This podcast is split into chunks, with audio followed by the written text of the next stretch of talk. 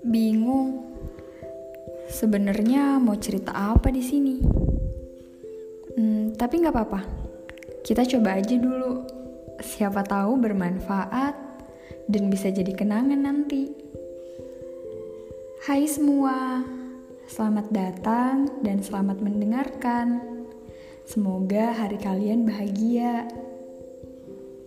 Keajaiban bakalan datang kalau kita percaya sama diri kita sendiri.